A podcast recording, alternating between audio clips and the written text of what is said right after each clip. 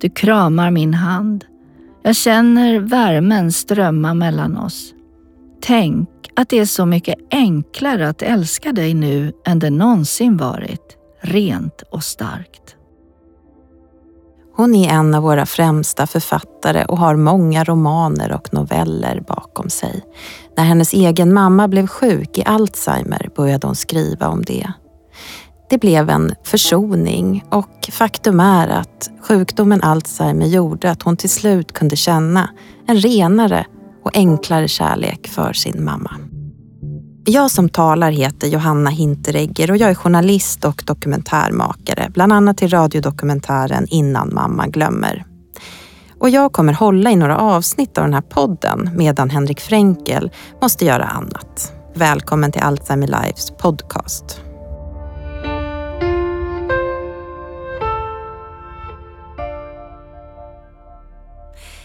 Vad kul att du är här, Anna-Karin Palm. Eh, du har skrivit många romaner, novellsamlingar, essäer. Kanske mest känd är du för den Augustnominerade Jag vill sätta världen i rörelse, en biografi över en annan stor svensk författare, nämligen Selma Lagerlöf. Mm. Men i våras kom en helt annan bok från dig. Eh, en om din mamma eh, som insjuknar och senare också dör i Alzheimer. Ehm, så min första fråga till dig är varför började du skriva om det som hände? Hmm. Ja, jag började skriva egentligen eh, direkt när min mor hade fått sitt sjukdomsbesked, sin diagnos kan man säga. Och, eh, det var ju samtidigt som jag arbetade med den här Lagerlöf-biografin. Men så kände jag att jag hade ett behov av att, till att börja med så tror jag att det mest var att jag ville dokumentera för min egen skull vad som hände med henne och med oss som familj i sjukdomen.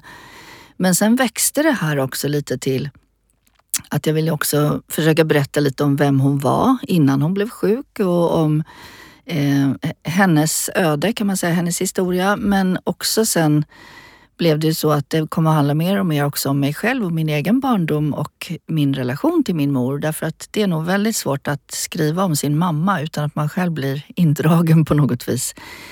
Och vi hade ju inte alltid en helt okomplicerad relation så att det var också liksom eh, ett sätt att bearbeta det tror jag. Men och sen är ju boken består ju av ganska korta stycken så, så att det fungerade lite att ha. Jag skrev ett stycke och sen la jag undan det och så skrev jag ett stycke. Men jag tänkte på det efteråt att även om jag från början inte alls visste om det här skulle bli någonting som jag ville publicera så gjorde jag det ändå till ett dokument i datorn. Jag satt liksom inte, det är inte dagboksanteckningar utan jag tror att det var viktigt att det, att det liksom fick en form från början.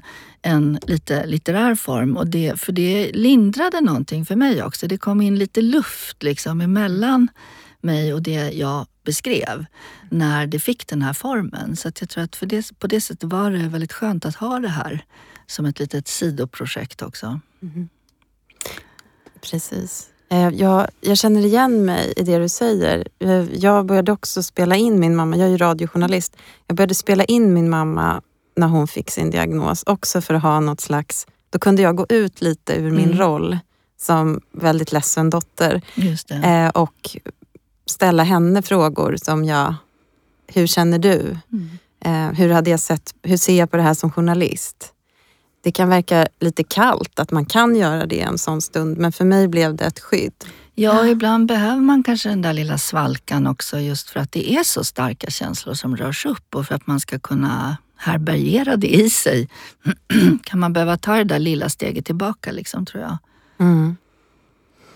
Um, jag tycker jättemycket om din bok. Uh, jag skriver ja, över ditt ansikte och uh, jag har verkligen lusläst nästan alla, nästintill alla demensskildringar i skönlitteraturen tror jag. Och det mm. finns några guldkorn och det här är ett av dem skulle jag säga. Oh. Uh, det är en fröjd att läsa att det är så välskrivet och också ärligt. Mm. Det är väl det man efterlängtar när man är i en sån kris mm. som många befinner sig i närheten av Alzheimer en ärlighet, så här är det. Eh, var det svårt att vara, för du är ju väldigt ärlig i, i er relation, att allting mm. inte är helt enkelt. Allting inte är underbart, vackert. utan ibland riktigt fult. Mm. Var det svårt att vara så ärlig? Ja, det var det förstås. Och jag har ju egentligen aldrig skrivit någonting självbiografiskt tidigare utan jag har ju skrivit fiktion och sen den här boken om Selma Lagerlöf. Då. Så att det var ju bara det ett stort steg att plötsligt skriva så nära mitt eget liv. Um, men jag tror att där var det också lite som en, en uh, skyddsstrategi. Jag tänker, men jag vet inte om jag ska publicera det här, men jag måste skriva det. Mm.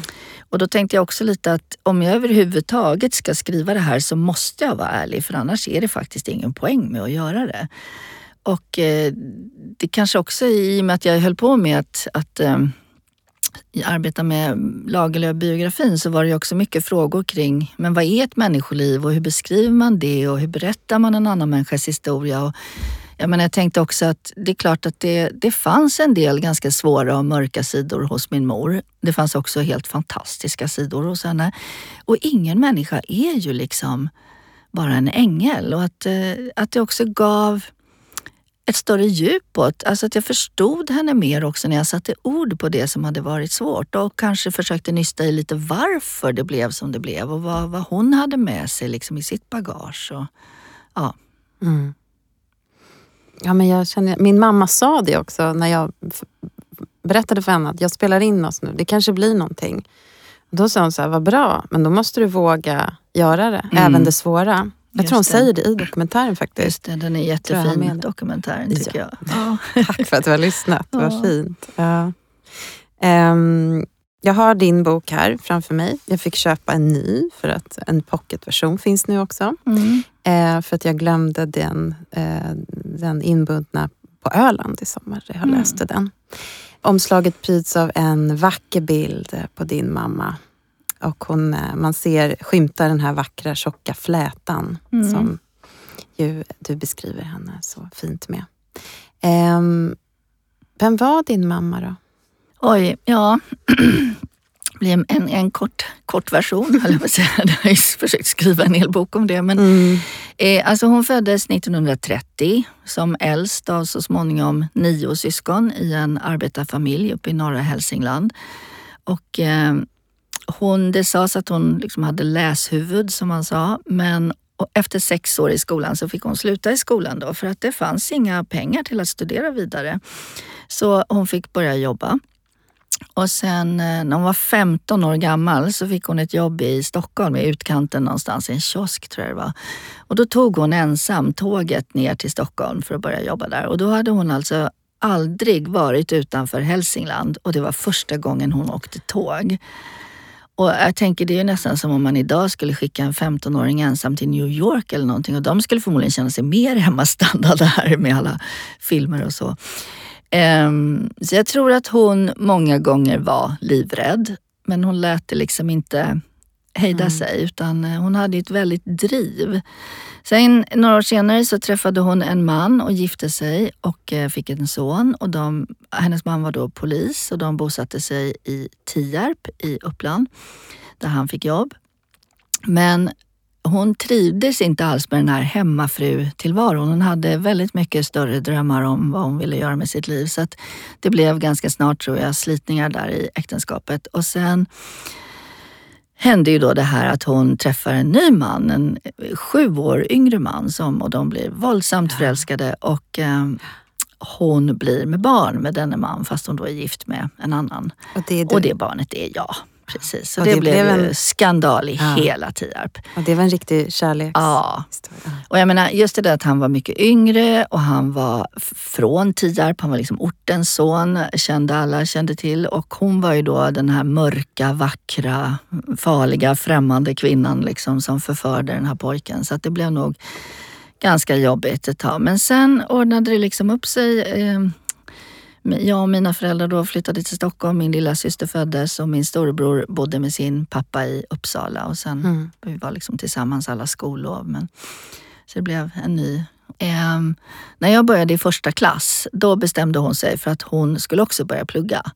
Och då var hon 37 år. Hon hade tre barn och hade liksom bara jobbat lite extra. Det är precis som jag. Ja. Jag är 37 och tre, och tre ja. barn. Och hon bestämmer sig med sex års folkskola i bagaget ja. för att hon ska bli läkare. Och det blev hon.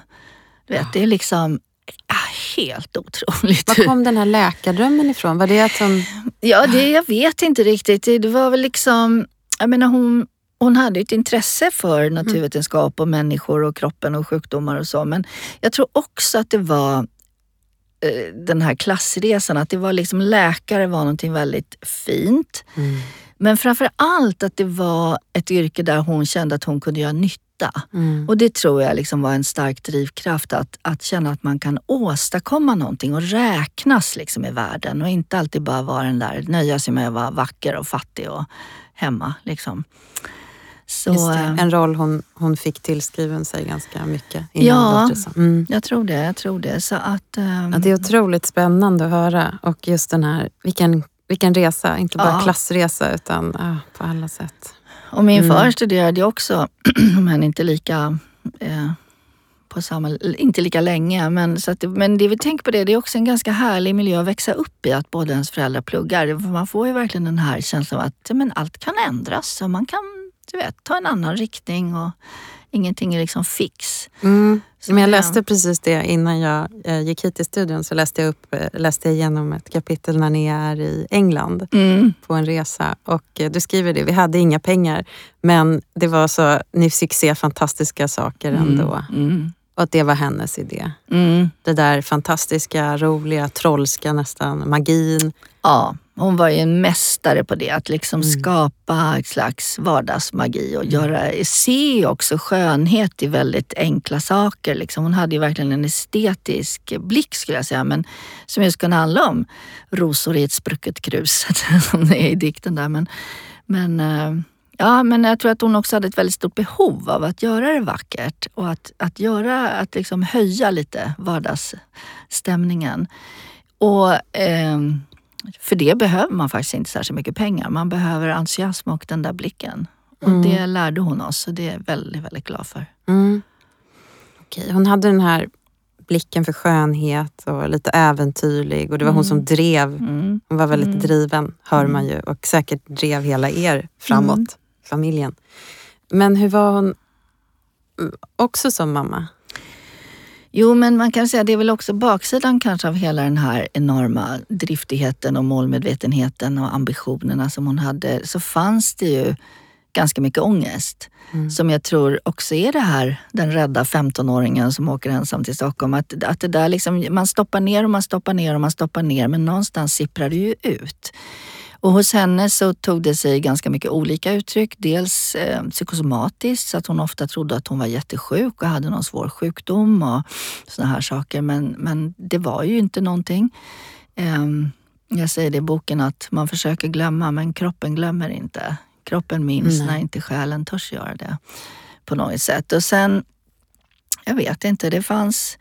Det kunde ju då ta sig uttryck i att hon kunde växla humör väldigt plötsligt och liksom sa man fel sak så kunde hon bli väldigt ledsen och det blev tyst. Och, alltså jag tror att som barn så fick både jag och min syster ganska snabbt den här förmågan att läsa av henne, alla hennes olika humör och du vet, man vet, så där ska jag inte göra för då blir det dåligt. Och, och jag menar hon var ju på det sättet liksom vår drottning i familjen. Hon var den som, som hade initiativkraften och det som skapade saker men hon var också den som vi alla måste liksom lyssna på, förhålla oss till, se till att hon mådde bra eh, och så. Så det, sen blev det när jag liksom kom upp i tonåren så blev det mer det var då vi började strida verkligen med varandra och det skulle jag säga, jag vet inte hur man ska förklara det men det finns ju en anekdot som, jag vet inte om jag har med den i boken, jag tror det, men som Mm. säger väldigt mycket tycker jag. Det var någon sån här släktkalas där de äldre kvinnorna satt och pratade om vilken tid i deras barns liv som de hade tyckt bäst om. Och då utbrister plötsligt min mor, åh jag tyckte nästan det var allra bäst när de låg i magen. Du vet, så då kände man verkligen där bara kvävnings... Och lite tror jag att det var att hon hade en tendens att se oss, och framförallt mig och min syster, som liksom delar av henne snarare än som Mm. fristående individer. Och jag hade ett enormt behov av självständighet och ville liksom bara ut ur den där magen. Ja, för att överleva, Ja, tänker precis. jag. Ja, du behövde ju bli du. Ja, och sen blev det rätt mycket strider också. Därför tror jag att fast hon kunde vara så enormt, alltså hon var också en sån person som liksom engagerade sig politiskt och alla var övervakare och föräldraråd och alltså alltid höll på att skulle hjälpa människor. Men Eh, fast hon då hade den här väldigt empatiska sidan så kunde hon också ha väldigt svårt att faktiskt förstå att andra människor kan fungera på ett helt annat sätt än vad hon gjorde. Mm. Och jag visste nog tidigt att jag var en helt annan slags person och, och för att jag skulle kunna få vara den jag var så måste jag liksom bort från hennes trollkrets. Mm.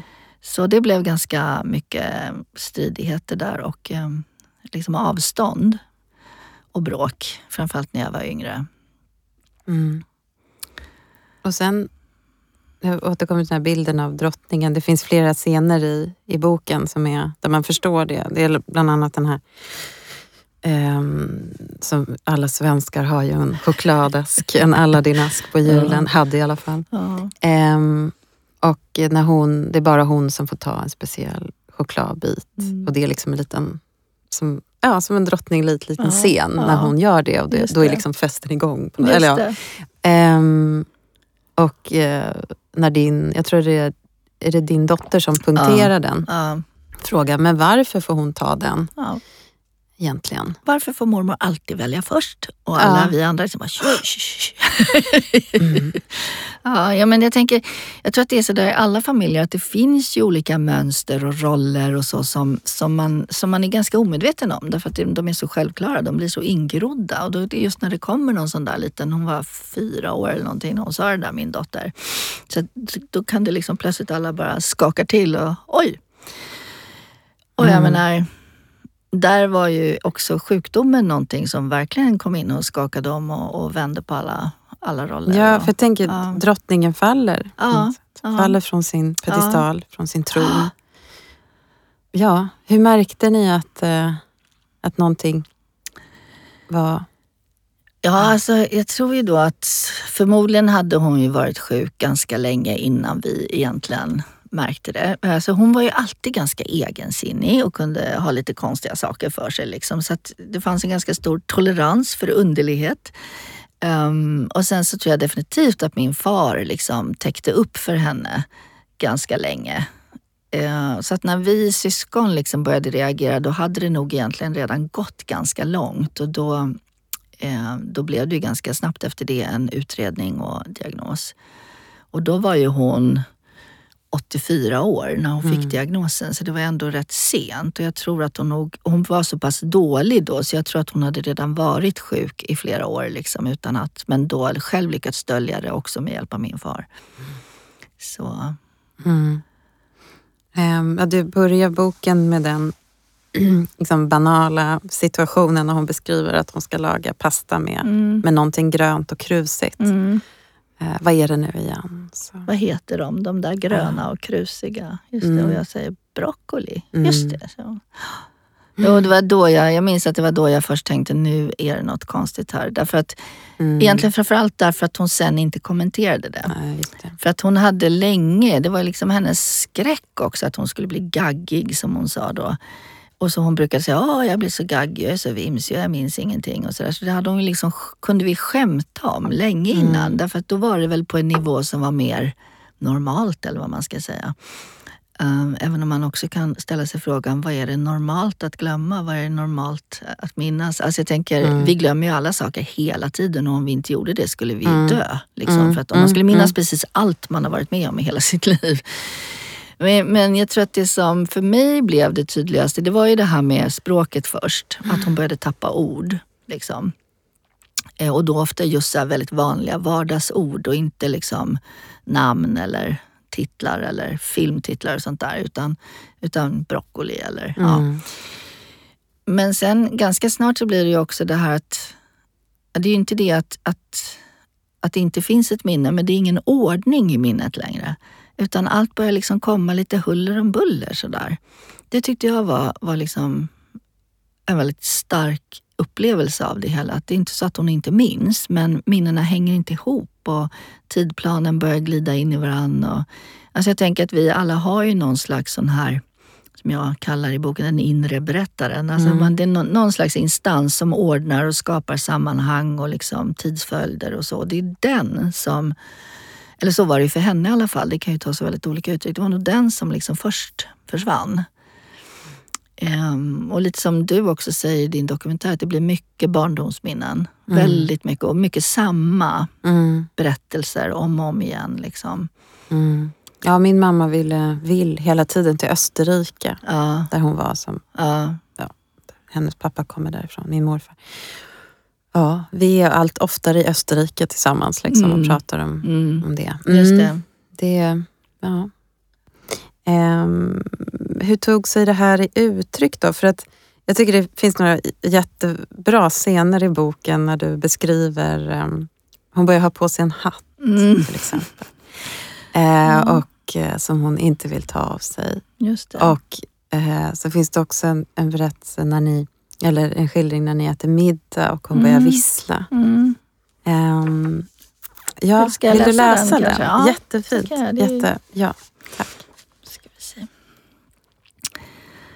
så kommer den där sommaren då ingen kan blunda längre. Vi är i Hälsingland, jag och min familj, i huset jag tagit över från er. Du och far i er lilla stuga någon mil bort över skogen. Vi ses mycket oftare än i stan och plötsligt förstår vi alla hur mycket far täckt upp för dig, hur han sett till att allt rullat på och fungerat för att slippa förändringar och oro. Kanske för att själv slippa höra vad det i själva verket handlar om. Nu är det med ens helt uppenbart att något är fel på riktigt. Du kan fråga om något vi just pratat om och minns inte alls att jag redan svarat. Du kan fråga samma sak flera gånger i rad med kanske en kvarts mellanrum. Och du tappar allt fler ord, ibland så pass att det är svårt att förstå vad du säger. Det blir som en sörja, en ordgröt, huller om buller och utan mening. Ibland sluddrar du nästan. Du märker själv att du trasslar in dig, men du kommenterar det sällan. Istället blir du mer tystlåten än vanligt och lägger dig till med vanan att börja vissla vid lunchbordet när du inte förmår ta dig in i samtalet. Du tittar intensivt på mig och visslar med vackert trutande läppar glada gamla melodier. Du visslar bra, tonsäkert, men din menande blick gör mig nervös. Den går inte att svara på. Mm. Mm. Jag, får jag tycker det är lite läskigt också. Alltså ja. att ens, eller är det det att ens mamma beter sig på ett annat sätt? Eller hon kanske egentligen beter sig som hon brukar men hon visar helt ja, det blir liksom andra uttryck. Men, men jag tänkte på det där att, att på något sätt i och med att hon alltid hade varit lite oberäknelig. Alltså vi var så bra på att följa henne. Mm. Det var liksom som att, så tror jag säger det i boken också, att det var nästan som om hon hade tränat upp oss hela livet för just det här. För att vi var alla så enormt liksom beredda att anpassa oss till henne och se hennes behov och liksom lyssna in henne och så. Så att, så att eh, det var inte det svåra egentligen tror jag, utan ja, jag vet inte vad som var det svåraste. Eh, alltså det var egentligen det som var märkligt för mig. Alltså mm. Det fanns ju väldigt mycket sorg i den här processen naturligtvis. Men för mig så var den stora överraskningen att det också kom en, en väldigt positiv förändring och att för mm. mig blev det liksom lättare att visa och känna kärlek till min mor när hon inte längre var den kontrollerande, dominerande liksom, supermamman utan en liten fnittrig, glad flicka som kunde utbrista bara åh vad livet är underbart. Liksom. Och, alltså det var ju någonting, jag tänker också eftersom hon då var äldst av nio syskon och aldrig riktigt hade fått vara liten och tagit väldigt mycket ansvar och alltid tagit hand om olika småsyskon och så. så någonting som att, alltså jag tror att nästan det första hon sådär nä, verkligen nästan raderade ur sitt minne och medvetande, det var ju det faktum att hon var sjuk. Och när det var borta så blev hon jätteglad. Mm. Och liksom lätta. Det är nästan som att man tänker att de bara kastar hela det där ansvaret och bärandet och kontrollen och det som hon hade hela rädslorna, livet. Och rädslorna. Ja. Precis. Och så blev hon liksom mycket, mycket lättare och mycket friare på många sätt. Och enklare för, för dig att älska? Mycket enklare. Mm. Därför att, eh, vad ska jag säga, ett, ett litet barn är narcissistiskt av naturen och det är inget problem. Men ens mor som har den sidan mm. kan det vara lite jobbigare. Liksom. Men, men eh, barnsligheten är ju också i någon slags eh, enklare självupptagenhet. Och sen mm. blir det ju också, tyckte jag, med ju sjukare hon blev också att och det är också lite som med små barn, att det är bara nuet som finns. Det hjälper inte att säga men det här skulle vi göra igår eller det här imorgon, utan det är bara nu. Det är nu och det är nu och det är nu. Och så är det ju med riktigt små barn också. Och det är ju också en befrielse i det på något sätt. Mm. Um, att man kommer nära varandra på ett annat sätt. För att det, i just det här unika ögonblicket så kan man ändå hitta en, en kommunikation och en värme. Mm. Verkligen. Ja, jo, det, det är sant som du säger. Um, kanske har jag inte upplevt det riktigt på samma sätt. Uh, jag är lite yngre. Mm. Um, och din mamma var yngre när hon blev sjuk. Mm. Och uh, jag väntade ju mitt första barn då. Jag skulle mm. precis uh, föda henne. och då fick mamma diagnosen. Och um, Nej, jag har nog uh, saknat min mm. mamma enormt mycket. Det som hon inte längre kan Nej, Jag förstår kan det, ge. men det tänkte jag när jag lyssnade på dokumentären också att ni hade en annan närhet tror jag innan också än vad jag hade med min mor. Och då blir det ju förstås en annan, en annan sorg. Mm. Och sen, jag tänkte faktiskt mer på min dotter. För vad mm. skulle hända om jag blev sjuk? Mm. Därför att vi också är väldigt tajta. Liksom. Alltid har varit hon och jag på något sätt. Och hon är mm. enda barnet. Så att, mm. eh, det, det, det tänkte jag på när jag lyssnade.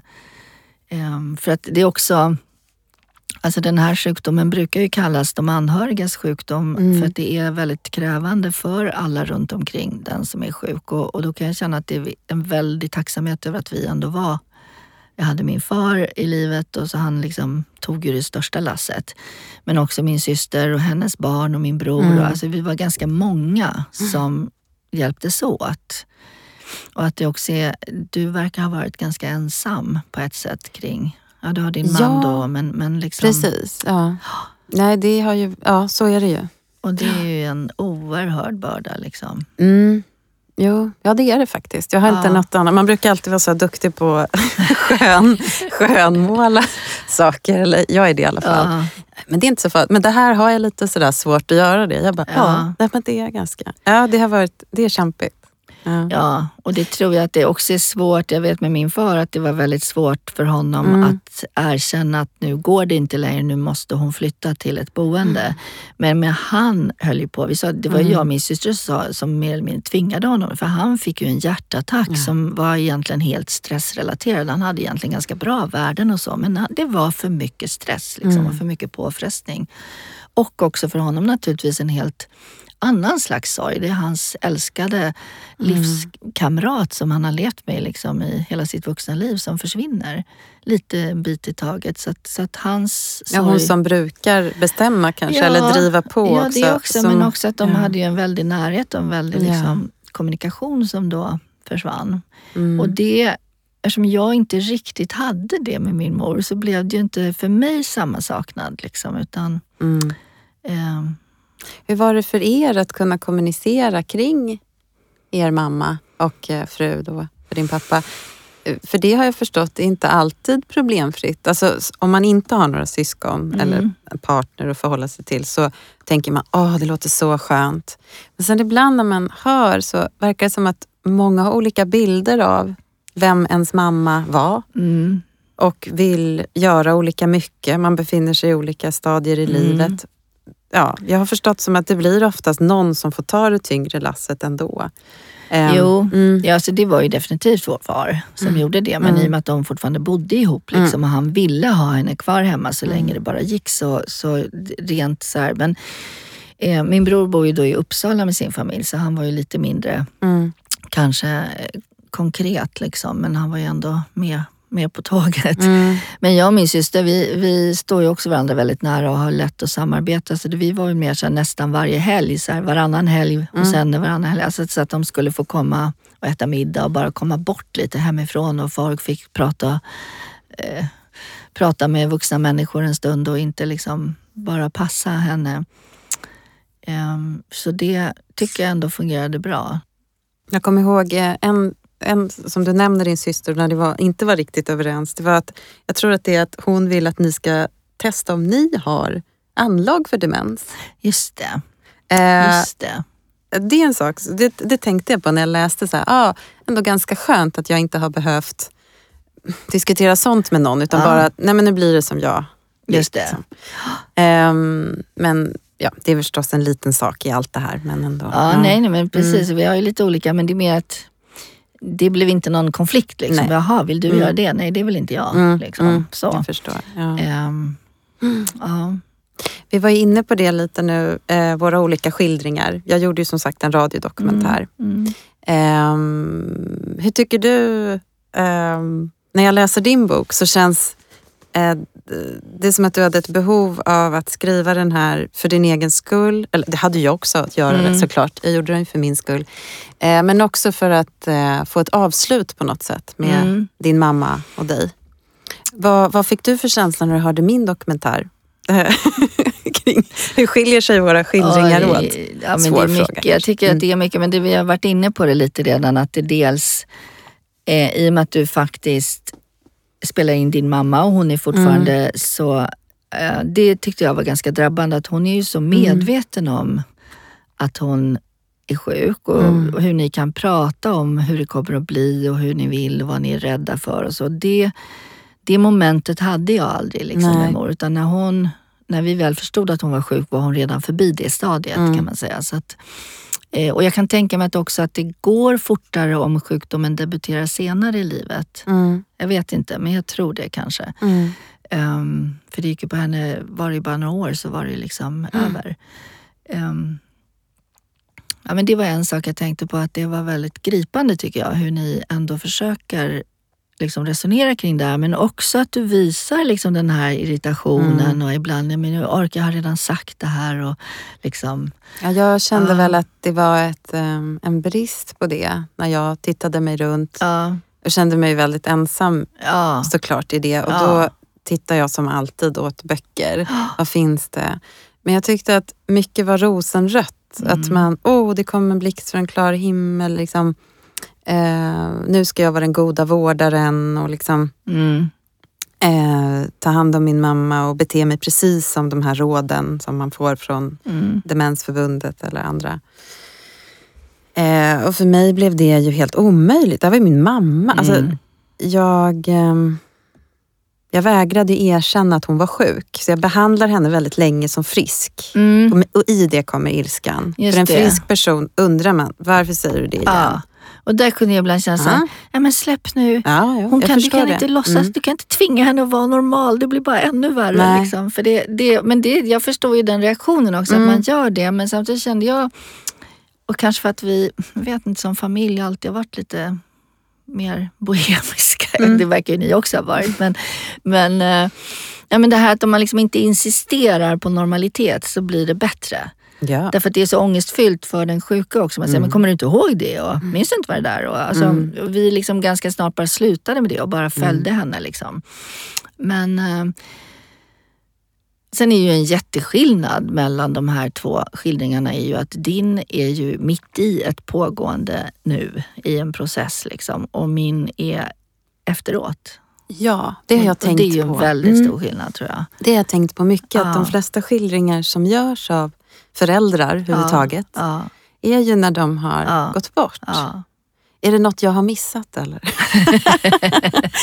eh, jag behövde, det, var som att jag, det var som att min berättelse var där, liksom, där Ja. och då, i Ja. krisen. ja. Nu skulle jag inte ha berättat den så alls. Nej. Men nu är jag ju mycket klokare. Jag, ja, Ja, nej, men Mm. det blev ju väldigt fint därför att din mamma också fick träda fram som en individ och en Mm. person och är liksom så pass, vad ska jag säga, klar och sig Mm. själv så att man inte bara ser henne som sjuk när man lyssnar utan man förstår ju också någonting om vad det här är för en, en människa. Det tyckte Mm. jag var fint.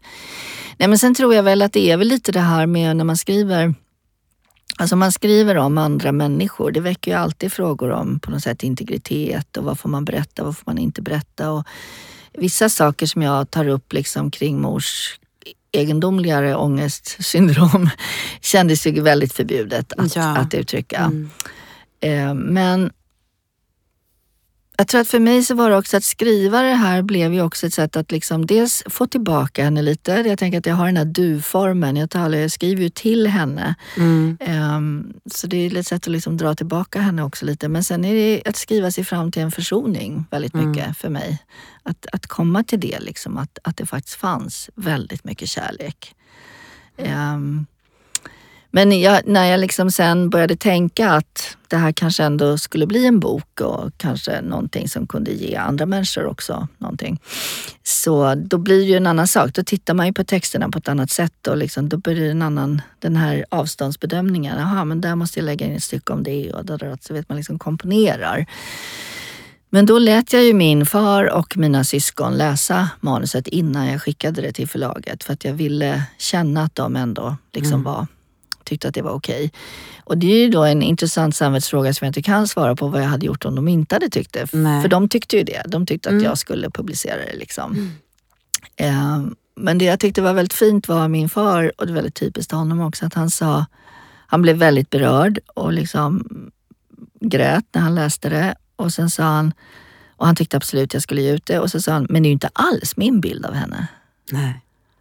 Ja, så där är det ju naturligtvis. Liksom. Mm. Ja, men vi ingen har exakt samma bild av en människa. och Kanske framförallt inte en äkta man och en dotter har inte samma bild av den här kvinnan. Men han tyckte, det är din bild och jag respekterar det. Liksom. Mm. Så eh, Han verkar vara väldigt fin din pappa. han är väldigt fin. Ja. ja. Ja, ja men jag, jag, tänkte, jag hade en fråga om det faktiskt. Att, eh, hur, hur tänkte du där? Berättade du för din mamma att du skrev? Fast då kanske det inte var helt Nej, klart. Nej, det gjorde var, hade inte. gått lite för långt då för att Ja, kunna resonera. Mm. Precis, det var ju det att det liksom, när vi förstod att hon var sjuk så var hon redan ordentligt sjuk. Så Mm. det, den kommunikation som gick att ha var väldigt eh, små ögonblick och sen Mm. kunde man aldrig riktigt veta vad hon var och hon hade ju också ganska egendomliga vanföreställningar. Och, alltså, Mm. så det det här verkligheten var inte gemensam längre. Liksom. Det, så blev det ganska direkt. Sen kunde vi ha väldigt roligt. Jag menar, vi beskriver i boken hur vi alla, hela familjen åker till Italien för att min systerdotter skulle gifta sig där. Ja. Mm. Och vi var lite så oroliga, ska vi ta med henne? Blir det för mycket för henne? Du vet. Men det var fantastiskt och hon bara njöt liksom och blommade ut där helt. Och det är en sån där scen när vi går över någon så här riktigt ful flygplatsparkering och det är liksom bara hett och avgaser och buller. Och jag går med henne och de andra går lite före. Liksom. Och så stannar hon plötsligt och bara slår ut med armarna och säger men det är ju egentligen alldeles underbart allting. Om man bara tar sig tid att känna efter.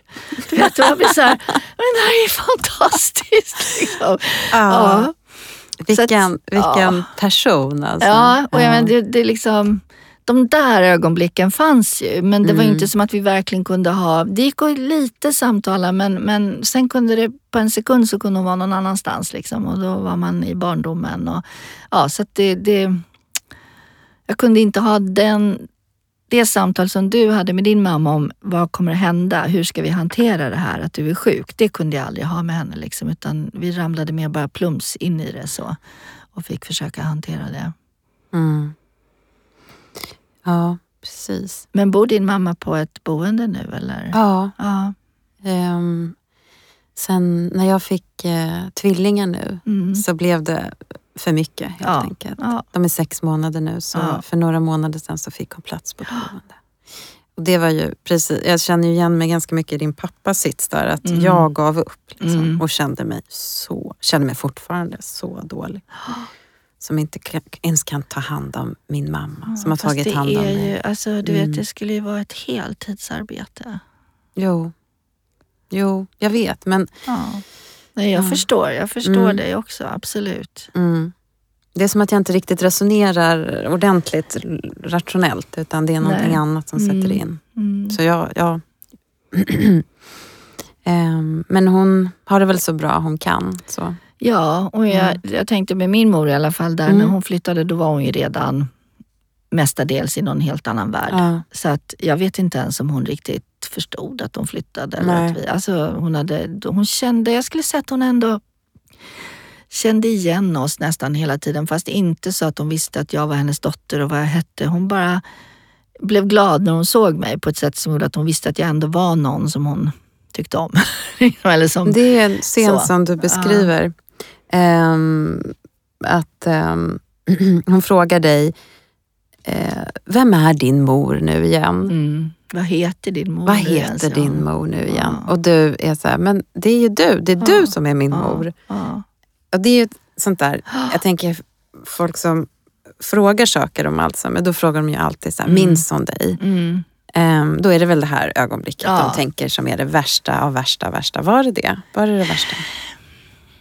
Nej, men egentligen inte därför att som jag sa, alltså, Mm. det finns ju en annan scen som jag beskriver i boken när vi står och tittar på något så foto på mig och mina syskon när vi är små. Och så pekar jag på den där lilla flickan på bilden och säger, där är jag. Och hur min mor bara tittar på mig så här jätteskeptiskt, som att det där kan du ju försöka slå i någon annan. Och så tänker jag, men på ett sätt har hon ju rätt, det är ju inte jag längre. Liksom. Nej, det var det. jag en gång, Ja. men nu är jag ju här. ja. Alltså det jag menar med det här nuet och det är också det att även om hon inte kunde placera att okej, jag är hennes dotter, jag heter si och så, jag är så gammal. Så visste hon ju ändå att vi på Ja. något sätt hörde ihop på en mer ordlös, djupare nivå. Så jag det, det är som att det skalas bort en massa liksom fakta och grejer Mm, runt mm, omkring. mm. Men de här djupare trådarna är ju kvar. På något Ja, sätt. det är ofta det man hör folk formulera också när Ja. man frågar så tycker jag. Ja. Att, nej men hon känner att jag är där. Just det. Men vi kanske inte vet precis vad jag heter Nej. men hon vet vem jag är. Och hon Eller, blir glad när hon ser mig. Liksom, gladare än när en främling kommer in. Så att Ja. någon skillnad är det ju. liksom. mm, Eh, men sen är det väl... Det som är svårt, det som jag tyckte var svårt var ju när hon liksom inte kunde kommunicera längre och när man inte riktigt vet hur hon har det. Nej. Alltså för därför att så länge hon var så där glad och fnittrig och busig och liksom, då var det lugnt för då kunde jag känna att det här är jättejobbigt för oss andra men hon har det faktiskt bra. Men på slutet så kunde vi bara hoppas att hon hade det bra så att säga. Det vi visste ju inte. Det gick liksom inte att nå fram då längre. Och hon Då kunde hon sig- inte tala Hon eller? kunde inte tala. Hur länge hon- var det så då? Det var nog bara ett par månader tror jag. Okej. Precis innan hon dog. Så det var inte liksom. jättelångt sjukdomsförlopp? Nej, Annars det säger var tre år. Tre år. Så det är Mm. därför jag tänker att hon antagligen var sjuk flera år innan. Ja, för att vi. Mm. fick höra också att det var, vad var det, mellan fem till åtta Mm. år eller något sånt där. Tio. Ja. Det är väl lite olika men, men jag tror också att det, jag för mig att jag hörde det att när det debuterar senare så går det snabbare ofta. Mm. Därför att kroppen är också svagare och det är andra ålderdoms liksom, saker kommer ju in också. Precis. Mm. Ehm, ja, våra mammor låter både lika och olika. Men de låter, de, jag känner igen det här så starka och driv och ehm, vackra. Mm. Ehm, men ja, men min mammas kärlek kanske var lite enklare på något Mm. sätt. Mm. Min mor kunde ju vara faktiskt elak Mm. också. Och ehm, jag vet inte om hon kanske också var svartsjuk på mig och min syster för att vi hade en så nära relation. För att, Mm. att det ibland liksom... Hon gav oss ju väldigt olika roller, också på ett sätt som jag tycker är helt groteskt. Att man gör som förälder, att säga ungefär att jag var smart och ful och min syster var snygg och dum. Det är så hårdraget. Men, Ja. men, men det kanske också var... Alltså hon kände också, hon hade någon konstig konkurrens med oss hela tiden. Och i och med att dela upp det sådär så blev vi liksom inte för hotfulla. En fick en sida av hennes kvaliteter på något sätt. Och, ja, jag vet inte, så det var mycket sånt där. Och allt det här, du vet sådana här saker som pågår under ytan. Som när man försöker säga, när man försöker konfrontera och ta upp det så skulle hon bara säga nej, ja, du bara inbillar dig och så är det absolut inte. Och så. Så att det gick liksom aldrig att komma förbi det därför att det gick inte att förändra de här sakerna Nej. därför att hon inte ville bli medveten om dem. Så det är min tolkning. Liksom. Mm. Ehm, Det är en, eh, jag har sagt den meningen så ofta nu, det är en scen i boken. Ja. Men det är så många scener i boken Ja. och jag vill tala om dem alla. Eh, nej men det är en där jag hoppade till sådär, som, som dotter. mm, Eh, och där jag tänkte på hur lilla eh, Anna-Karin kände sig. mm, Där. Och det är när du berättar, det är också fint att du är så stolt att du berättar för henne att du ska skriva en, mm, en, om Selma Lagerlöf. Just det. Det är ju en jättestor grej. Eh, och hon säger någonting i stil med Ja, men det skulle jag också vilja göra. Nej, hon blev till och med arg. Men Ja. där var hon ju sjuk redan. Ja, okej. Men hon liksom, du vet, hötte med näven att nej, det skulle ju jag göra. Sa hon så, här. så det var Ah. ju liksom, och det, jag menar, även om det var sjukdomen som talade där så Ah. var det också väldigt Mm. mycket så där det var mellan oss. Att hon liksom både var väldigt stolt över mig men också Mm. lite tävlade på något sätt och ville. Men jag tänker att det där också är en del av det här att eftersom hon hade det här lite omedvetet såg oss som delar av sig själv så var det att om vi gjorde någonting måste ju hon kunna det också på något sätt och kanske lite bättre.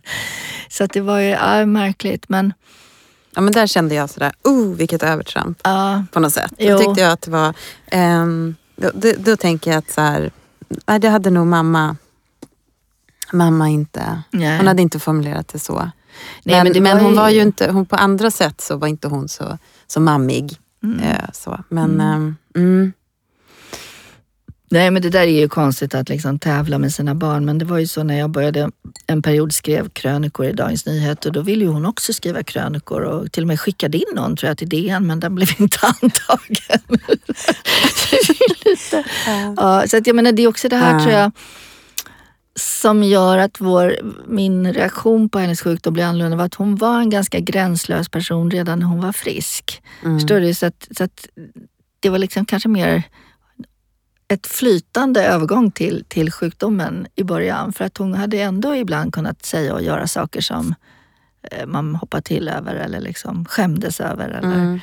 eh, små... Men det tycker jag oftast är med Alzheimer. Jag tycker att alltså, mycket av ens personlighet förstärks, Ja. kanske till en början. Och Ja. sen försvinner ju personen Ja. helt på något sätt. Och det just blir det. här ingentinget. Men eh, det upplever jag min mammas, alltså hon är ju en cool typ. Liksom. Hon Mm. blev ju väldigt cool i sin Mm. Alzheimer-diagnos Mm. eftersom hon inte ens minns att hon har det och kan liksom skämta och må bra ändå och, Mm. och sådär.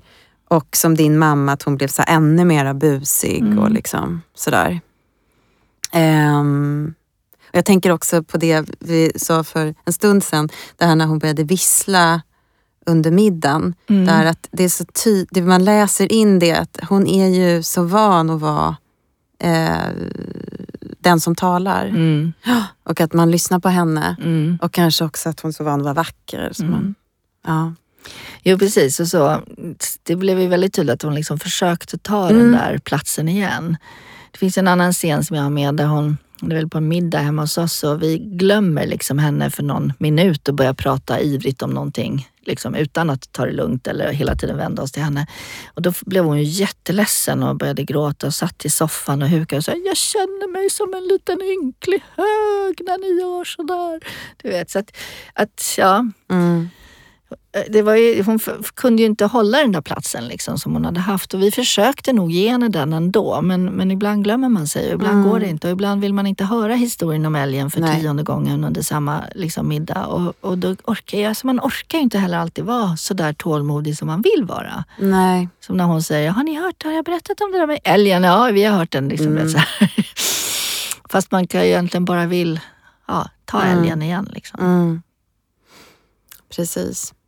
Ehm, när, jag, när jag började göra dokumentär så hade jag ett väldigt behov av att berätta min mammas eh, historia. Det kändes Mm. som helt fel att hon bara skulle försvinna iväg nu Mm. ur den här världen. Och för mig lämna ett jättetom rum. Men jag tyckte liksom att alla andra, titta hit, liksom Mm. någonting helt absurt håller på att hända. Min mamma håller på att försvinna. Jag måste berätta hennes historia. Jag måste ha henne, det var det med rösten också, att jag Ja. började spela. Jag vill ha henne i en ask, liksom, ta fram henne igen. Ehm, och jag berättade för många också, det är säkert någon att man gör det när man är lite i chock. Att jag Mm. berättade för väldigt många att hon var sjuk. Mm. Eh, som jag, vänner som jag kanske inte kände så väl, men alla fick reda på det. Mm. Ehm, eh, var det så lite för dig också? Alltså, jag tänker att det lite var så kanske att jag ville berätta hennes historia nu när inte hon kunde. Mm. Eh, eller vår historia, för vem, vem var jag när inte hon finns? Eh, var det så lite för dig också? Ja men så var det lite och ehm, det var ju också så att min mor hade försökt skriva sin egen historia i flera år då sedan hon blev pensionär. Så, och liksom hon pratade så mycket om det där och hon höll på och liksom lite med mig sådär kollegialt och hur gör du och jag ska ha en liten skrivstuga här på landet och du vet sådär. Så att jag trodde ju att det fanns jättemycket och sen efter hennes död så frågade jag min far, men vad hände med det här? Hennes, liksom, hon skulle skriva sitt livs historia. Och sa han att nej men det blev aldrig, alltså det fanns flera kollegieblock som innehöll en början Mm. och första kapitlet, liksom, barndomen. Och sen tog hon ett nytt kollegieblock och började om igen. Mm. Och sen ett nytt. Och jag menar, dels kan ju det här vara lite sjukdomens början, men jag kan faktiskt också tolka det som att, för det framkom ju också, det finns ju också med i boken, att eh, någonting som jag och min syster kanske hade misstänkt länge, men att som blev väldigt tydligt när sjukdomen släpper alla spärrar och det kommer upp saker som hon kanske aldrig har sagt ord på eller erkänt för sig själv, men att det var ganska tydligt att hon hade utsatts för sexuella övergrepp Mm. i barndomen. Och då tänker jag så här att eftersom hon liksom inte kunde formulera det som var det värsta liksom i barndomen så kom hon heller aldrig förbi barndomen utan fick liksom börja om och börja om för hon kunde inte säga det där. Och då fanns det ingen väg framåt. Nej. Och då kunde jag känna lite så att ja men nu har jag sagt det. Så nu kan hon. Liksom. Mm. Vad fint. Ja, lite. Att Alltså, du ger henne den lättnaden Ja men på något sätt att jag liksom fick åt henne sätta Mm. ord på det här svåra. Och det var som min dotter sa det också faktiskt, men nu har ju du befriat mormor. Liksom. Mm. Och det gjorde mig jätteglad när hon sa det. För att Mm. ja, lite, lite kände jag väl det att med alla sina konstigheter och fel och brister så var hon ju också en helt fantastisk person som också kämpade så hårt för att skapa ett bra liv för sig och för Mm. alla andra omkring henne och väldigt idealistisk. Liksom. Mm. Att, att jag ville gärna, om jag kunde hjälpa på något sätt Ja. i liksom bilden av henne eller i vad ska jag Mm. säga, hennes historia, att få ordning på den, Mm. så gjorde jag det gärna. Ehm, jag hade inte med det här först, men sen tänkte jag att vi måste ha med den här frågan. För att parallellt med att du berättar hennes eh, historia Mm. eh, och hennes, hur sjukdomen går vidare, så släpper hon ju en bomb. Mm. Eh, och det är ju att hon... ehm, eh, att din papp, den pappan du tror att du har, det är inte han. Det är en annan pappa. Eh, och för som, som läsare så tänker man ju att det här stämmer ju inte alls. Mm. Och det känns ju som du resonerar så Mm. från början också. Mm. Men ändå är det ju din mor som... Det kommer ju ändå över din mors läppar. Ja. Det, måste, det blir en väldig clash liksom, i Ja, hela... ja, Hur jätte- tacklade du det? Jättejobbigt. Därför att, alltså kanske framför allt därför att jag inte kunde avgöra, men finns det ett korn av sanning i det här? Eller är det bara sjukdomen som liksom pro- producerar de här egendomliga sammanblandningarna? Liksom? För att, det- jag menar, det var ju den här hela skandalen kring att hon liksom blev en barn med mig när hon var gift med en Mm. annan man och allt det. Och jag tolkade ju som att hon, hon blandade ihop det. Men, men det fanns ju liksom i det här pågick ju i några månader faktiskt, där hon liksom pratade om det här. Eh, där jag kunde få så här panik. Men, tänk om det är sant och vad gör jag då? Liksom, ska inte jag vara släkt med min älskade farmor? Ja, men du vet, det drar ju upp en massa saker och även om jag någonstans hela tiden visste att det här stämmer inte så sätter det igång en massa känslosvall. Liksom. Men, men, ja, men det ledde ju också till att jag pratade väldigt mycket med min far Mm. om sånt som vi aldrig, den här tiden, liksom, första tiden när de träffades har ju aldrig pratats om. Därför att det var en skandal och det var skam inblandat liksom, och det fanns skuldkänslor. Och, du vet, det, var liksom, det var svåra tider för dem och inte minst för min mor ju som, som liksom så det har varit ett sånt där som jag också tror alla familjer har. Nej, det där pratar vi inte om. Det låtsas vi inte Mm. om. Liksom. Mm.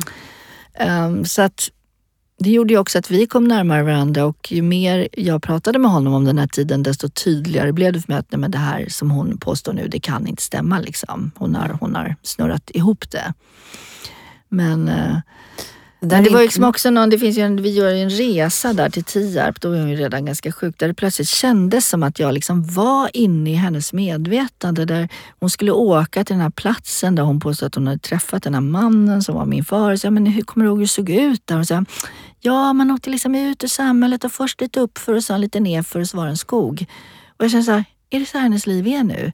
Det är liksom inga kartor är kvar. Det är någon liten uppförsbacke för 50-60 år sedan. Och, sen, och det, alltså det var som att vara inne i det här, den förvirringen som hon levde i också. Så det, det var också väldigt otäckt liksom, för att det kom Mm. så nära. Och, och försöka ta ut henne ur det förflutna och ta tillbaka henne till liksom nuet. Ja, Det Mm. var det var väl för mig den, den jobbigaste perioden av hennes sjukdom därför att det här blev ju som en slags hjärnspöke ändå. Tänk om hon har Tänk om det är ja, sant. Ja, och jag tänker att det är ett ypperligt exempel på hur svårt det är att, att vara anhörig till någon. Mm. För att för alla andra så, som man inte känner din mamma och mm. inte mm. så skulle man ju säga nej, nej, ta det lugnt. Ja. Så ska man tänka mer på det. Nej. Men så fort man är anhörig så man hör ju ändå vad de säger. Ja. Om de blir arga ja. på en. För, eller tror, min mamma trodde att jag hade tagit hennes, hennes lampa. Mm. Väldigt länge för mm. att eh, den var på lagning. Mm blev aldrig klar, en så komplicerad lampa. Ja. Jag bara, är den inte klar snart? Jag håller på. och hon bara var så, ja, men, att jag var tjuv och tjuv. Oj, ja. och, då var ju alla så här, det är bara sjukdomen. Jag bara, jag vet, det är bara sjukdomen. Men det är väldigt det är svårt. Ja. För man kan, inte, man kan inte bortse från vem man är. Nej det är min mamma som säger att jag är tjuv. Då ja. är ju jag tjuv. Ja. Och även om alltså, det är alltså- sjukdomen som när min mor började prata så ja. kunde hon låta så rationell. Ja. ja. Och jag, som jag säger, men jag vet att det här inte stämmer, men varför låter hon så övertygande? Liksom? Mm.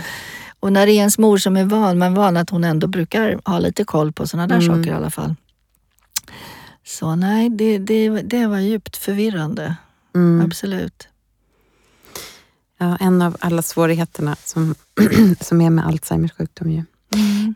Kan inte du läsa ett stycke som lite avslutar vårt samtal? För nu har vi snart pratat i en timme. Oj, det känns som vi mm. kunde fortsätta länge. Ja.